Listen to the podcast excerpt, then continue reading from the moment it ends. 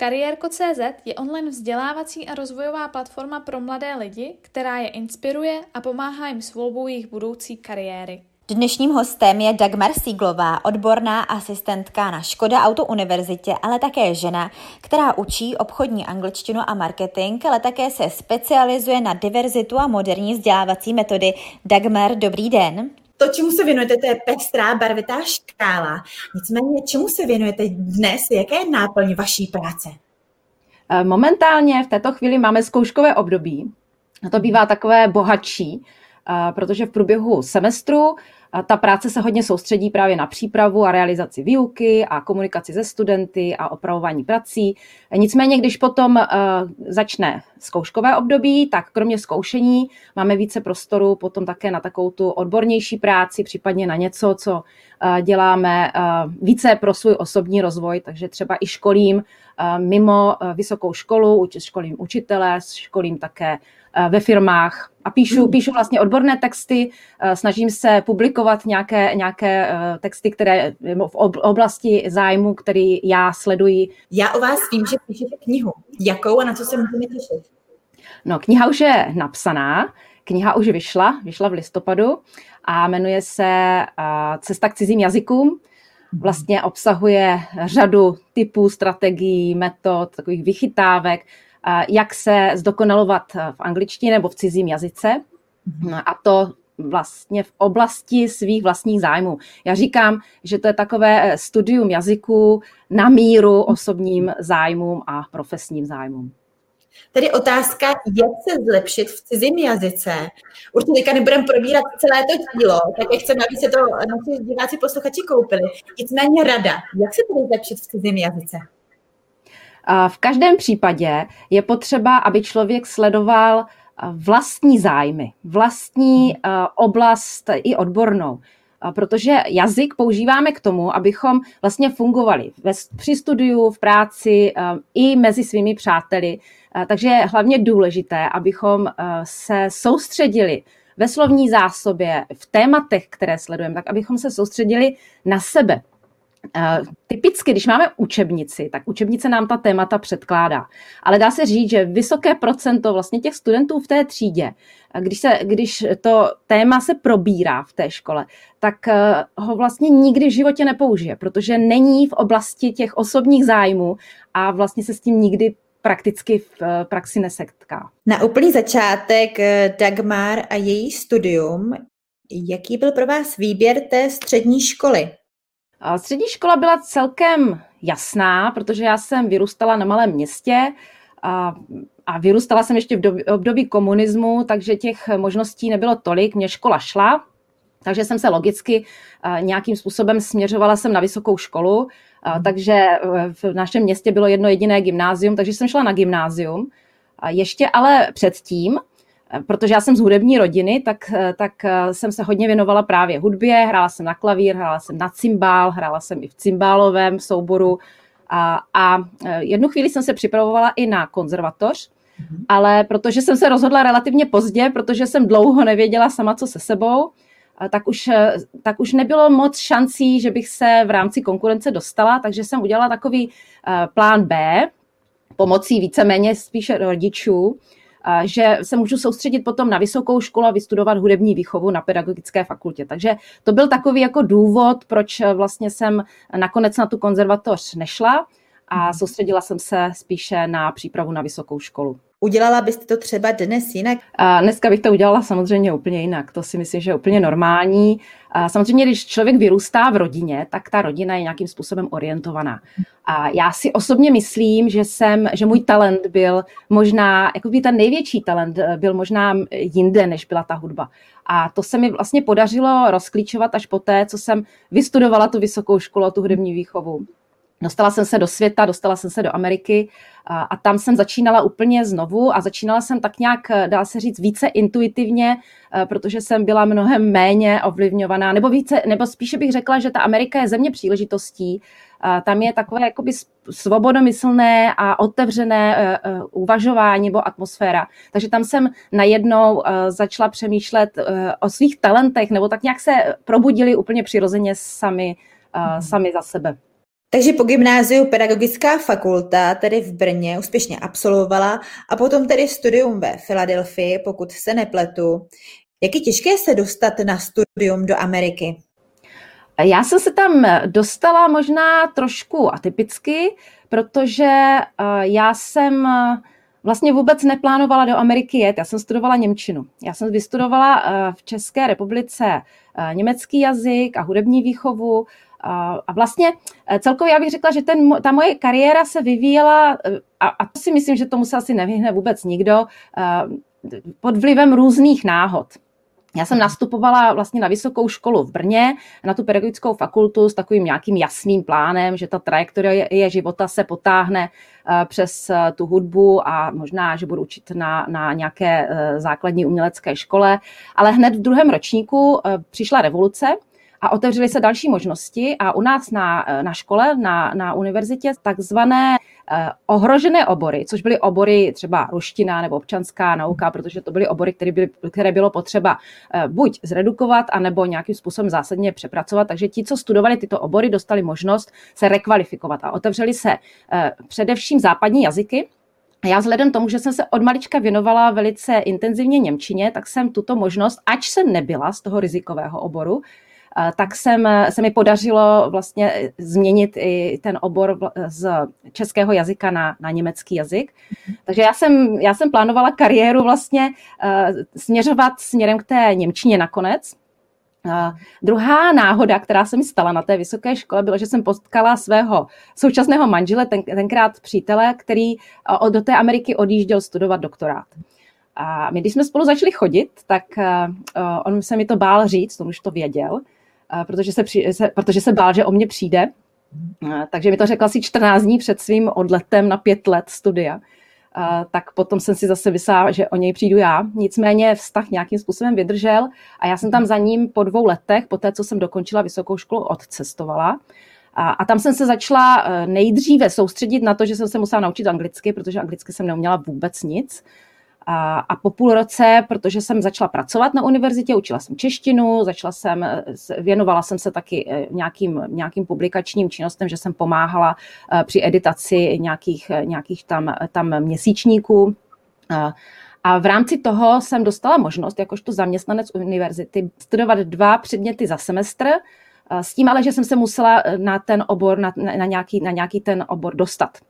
Já jsem se si tedy vybrala a říkám, to už jsem si vybírala podle intuice, protože najednou jsem dostala prostě obrovskou škálu možností na té univerzitě. Takže jsem se eh, potom přihlásila na, eh, na obor interkulturní komunikace, mhm. který tak nějak spojoval eh, jazyky, a současně já jsem i toužila, když jsem byla na střední škole, tak jsem hodně toužila studovat psychologii. Nicméně ještě v té době komunismu byly ty možnosti velice úzké v té době vlastně brali pouze 14 lidí pro celou republiku a tenkrát to fungovalo tak, že pokud člověk neměl nějaké známé, tak, tak prakticky nebyla šance se dostat, takže to jsem opustila. Ale já jsem se nakonec k té psychologii dostala přes právě tady tu interkulturní komunikaci a přes lingvistiku a sociolingvistiku. Takže já jsem tam musela napsat motivační dopis, musela jsem dostat nějaké doporučení, tak to jsem si získala z České republiky, plus můj uh, tam místní vedoucí mi taky napsal doporučení. Pak jsem musela udělat takové ty standardizované testy, jako jsou TOEFL pro cizince a GRE, což jsou tam takové něco jako u nás CIO testy. A na základě toho se mi podařilo opravdu se na, te, na, te, na to studium tam dostat. Tam byl třeba problém ten, že já jsem tam neměla uznané vzdělání, já jsem měla vysokou školu z Masarykovy univerzity, ale ona tenkrát neměla tu mezinárodní akreditaci nebo nebyla, nebyla uznávaná vlastně tou univerzitou, na které já jsem studovala, takže oni mi nakonec ten magisterský obor uznali jakožto bakalářský, a, takže já jsem nemusela studovat eh, od začátku bakaláře, ale prakticky to bylo na tom, že jsem si to musela tady tyto věci vyjednat. Eh, spoustu věcí člověk, když si tam obchodí, tak Amerika, jak říkám, je, možno, je, je země příležitostí a je také země takového otevřeného uvažování. To znamená, že vy, když přijdete s argumentací a opravdu se za sebe zasadíte, tak se vám spousta věcí podaří prosadit, protože často ta rozhodnutí jsou rozhodnutí úředníka a pokud ten úředník, pokud ho přesvědčíte, tak, tak je spousta věcí možných. Kdybyste mohla porovnat proces vzdělávání v Americe oproti tomu našemu v České republice a postup té výuky, bylo to pro vás lehčí či naopak obtížnější? Tam to studium probíhalo tak, že bylo postaveno hodně na samostatné práci, hodně na studiu e, zdrojů, že jsem chodila hodně do knihovny, zháněla jsem si e, různé texty, časopis, články z časopisů a tak dále. Ten semestr začínal tím, že se rozdali semestrální témata a ta témata byla formou otázky.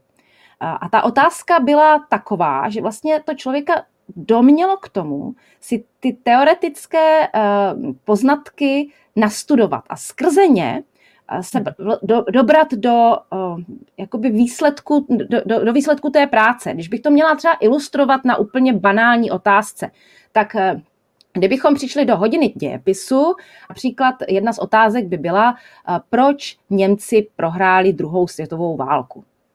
A vlastně, když dostanete takovouto otázku, tak vy musíte jít úplně na začátek. Vy si musíte říct, co to byla ta druhá světová válka, pak musíte zjistit, kdy byla, pak musíte začít zjišťovat, kdo se jí účastnil, pak musíte začít zkoumat, kdo byl proti komu, protože když někdo prohrál, tak musel proti někomu prohrát. A vlastně tímto procesem eh, se člověk dobere k odpovědi té otázky. A já, když jsem potom odcházela z té knihovny, tak jsem si vlastně řekla, že já tu teorii umím. Že to všechno, že si to pamatuju, že tím, jak člověk zkoumá nějaký ten problém, který ho zajímá a, kterého se potřebuje dobrat té odpovědi, tak úplně přirozeně si vštípí i e, ty poznatky kolem toho. Že já vlastně za celou tu dobu toho studia jsem se nemusela nic biflovat na spaměť. To je jedna stránka věci, že to studium bylo pro vás možná příjemnější než tady u nás v České republice. Nicméně bychom se měli podívat i na druhou stránku věci, a to jsou finance. Jak se dá zvládat jako studentka, tedy studující v Americe, to celé ufinancovat?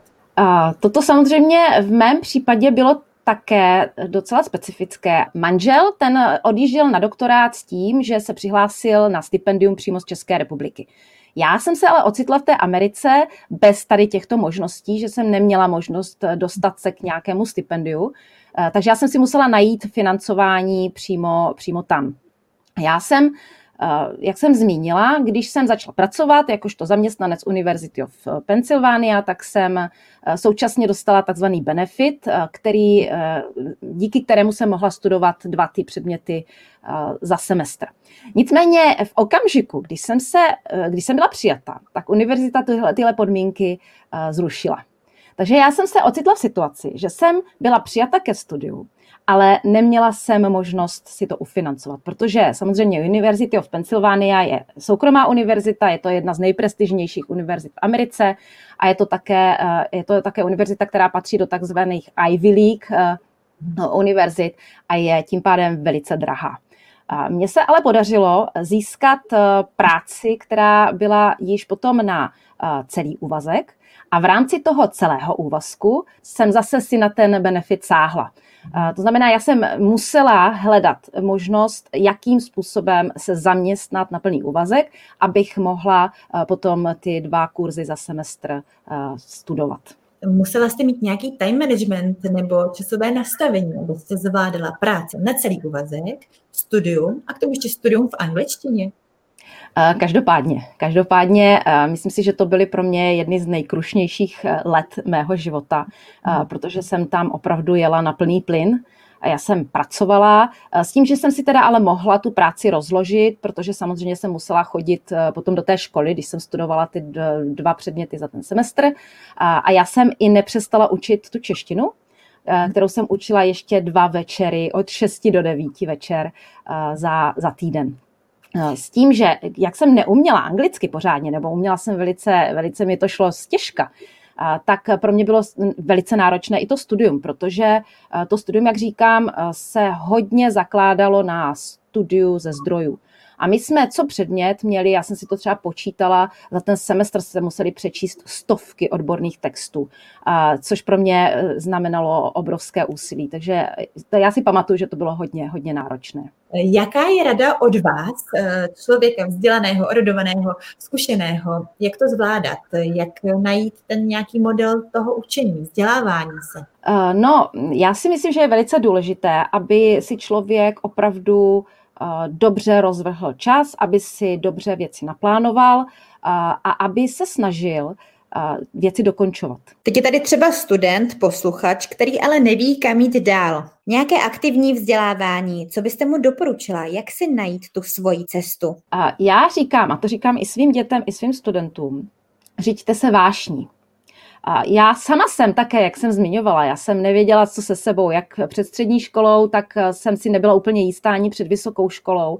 Eh, nicméně, co je důležité, aby každý člověk se věnoval naplno tomu, co dělá. A dělal to tak, eh, aby měl čisté svědomí a aby ho to bavilo. A ona, ta cesta potom se nějakým způsobem otevře sama. Nakonec člověk využije všechno, co v životě dělal. Já si myslím, že eh, co je právě důležité, je, aby eh, jsme eh, tak nějak jakoby poslouchali tu vlastní intuici a přitom neřešili to, jak to dopadne. Neřešili to, jestli se tím uživím a tak dále. Protože já si myslím, že pokud člověk dělá věci opravdu upřímně, dělá je tak, že sám sebe nějakým způsobem si to ne, nezjednodušuje, tak že ty výsledky se dostaví a ty příležitosti přijdou. Ale musí být proaktivní.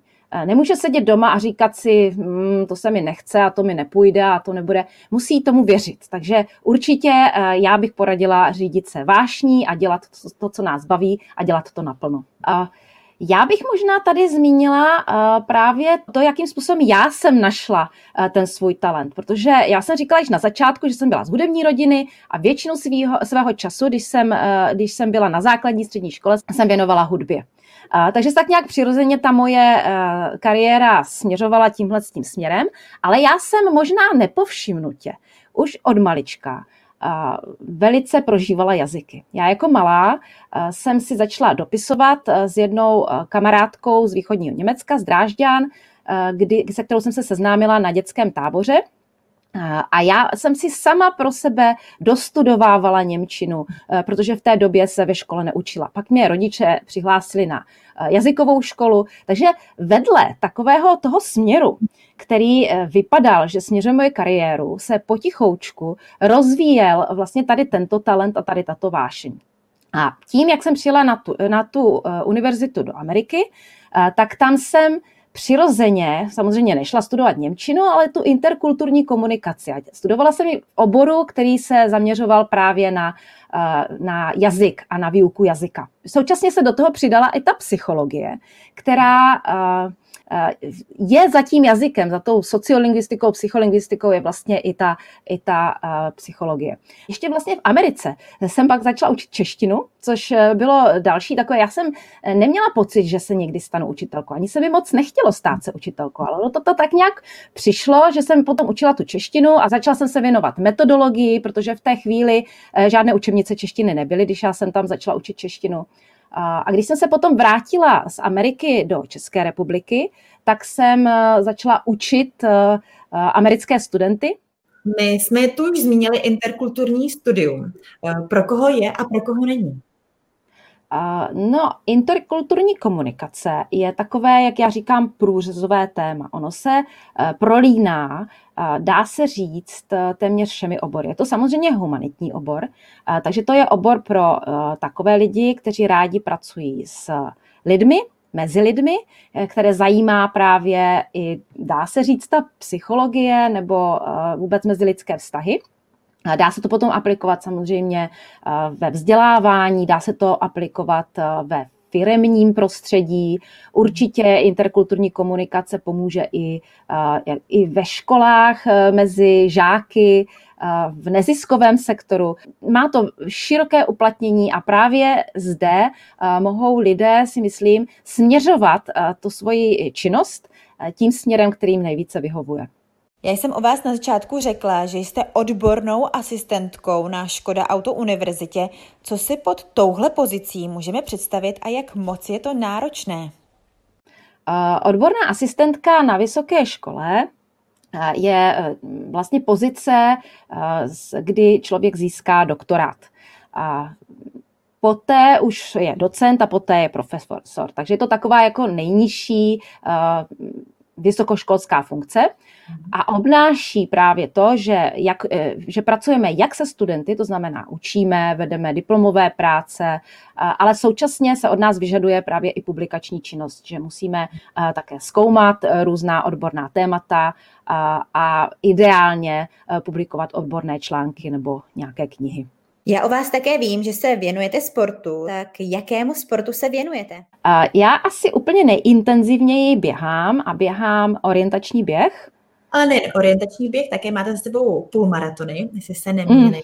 Zkušenosti z toho běhu eh, promítáte do svého profesního života, respektive jakýsi úspěch, fair play. Vidíte tam nějakou provázanost? No jednoznačně, jednoznačně. A musím říct, že to vidím i u svých studentů. Studenti, kteří se aktivněji věnují nějakému sportu, třeba i na nějaké takové té soutě eh, žijící úrovni, eh, tak, eh, tak tam vidíme. Určitě já na sobě zhledávám takovou tu disciplínu, jak jsem říkala, neodkládat úkoly, pouštět se do věcí, které třeba nejsou kolikrát pohodlné. Takové to vystoupení z té komfortní zóny je velice důležité.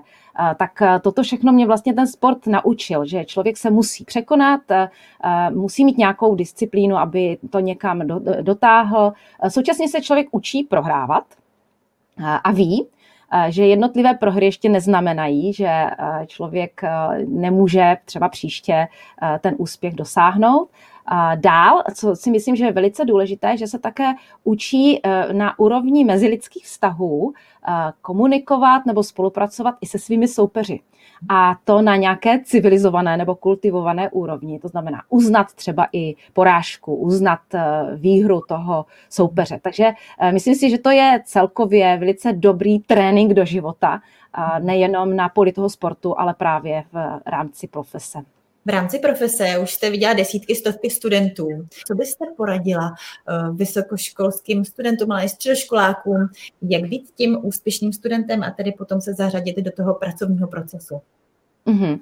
A, tak každopádně nezjednodušovat si věci. A nezjednodušovat si uh, v tom smyslu, že my si, někdy se stává, že studenti takové to opíšu to nebo nějak to odbudu. Samozřejmě ono to mezi těmi mladšími, třeba dětmi, je docela populární a já musím říct, že i já vlastně na té základní střední škole jsem občas někde něco ošidila. Ale vidím to u těch studentů, že je důležité právě nešidit protože tím člověk, člověk šidí sám sebe. Takže nezjednodušovat si eh, to studium tím, že budu eh, hledat nějaké eh, cestičky, jak se něčemu vyhnout, ale naopak těm, jakoby těm, těm úkolům čelit. A čelit tak i s tím rizikem, že to, že to třeba nepovede.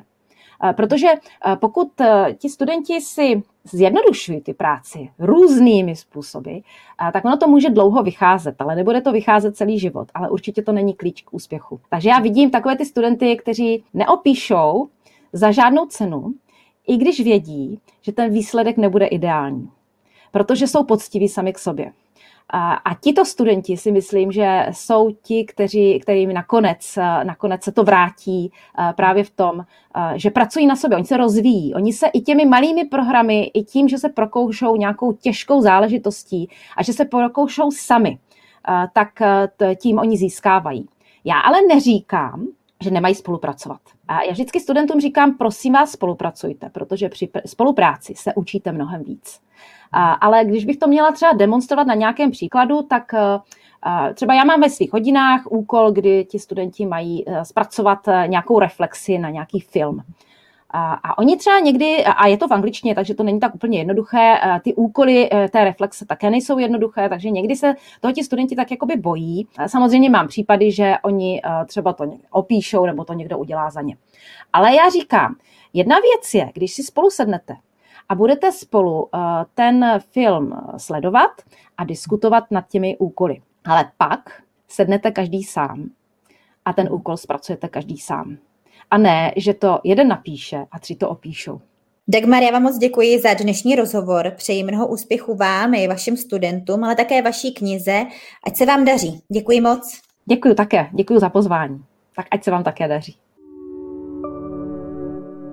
Kariérko.cz je online vzdělávací a rozvojová platforma pro mladé lidi, která je inspiruje a pomáhá jim s volbou jejich budoucí kariéry. Tento rozhovor vznikl díky podpoře společnosti Škoda Auto. Za její důvěru jim velmi děkujeme.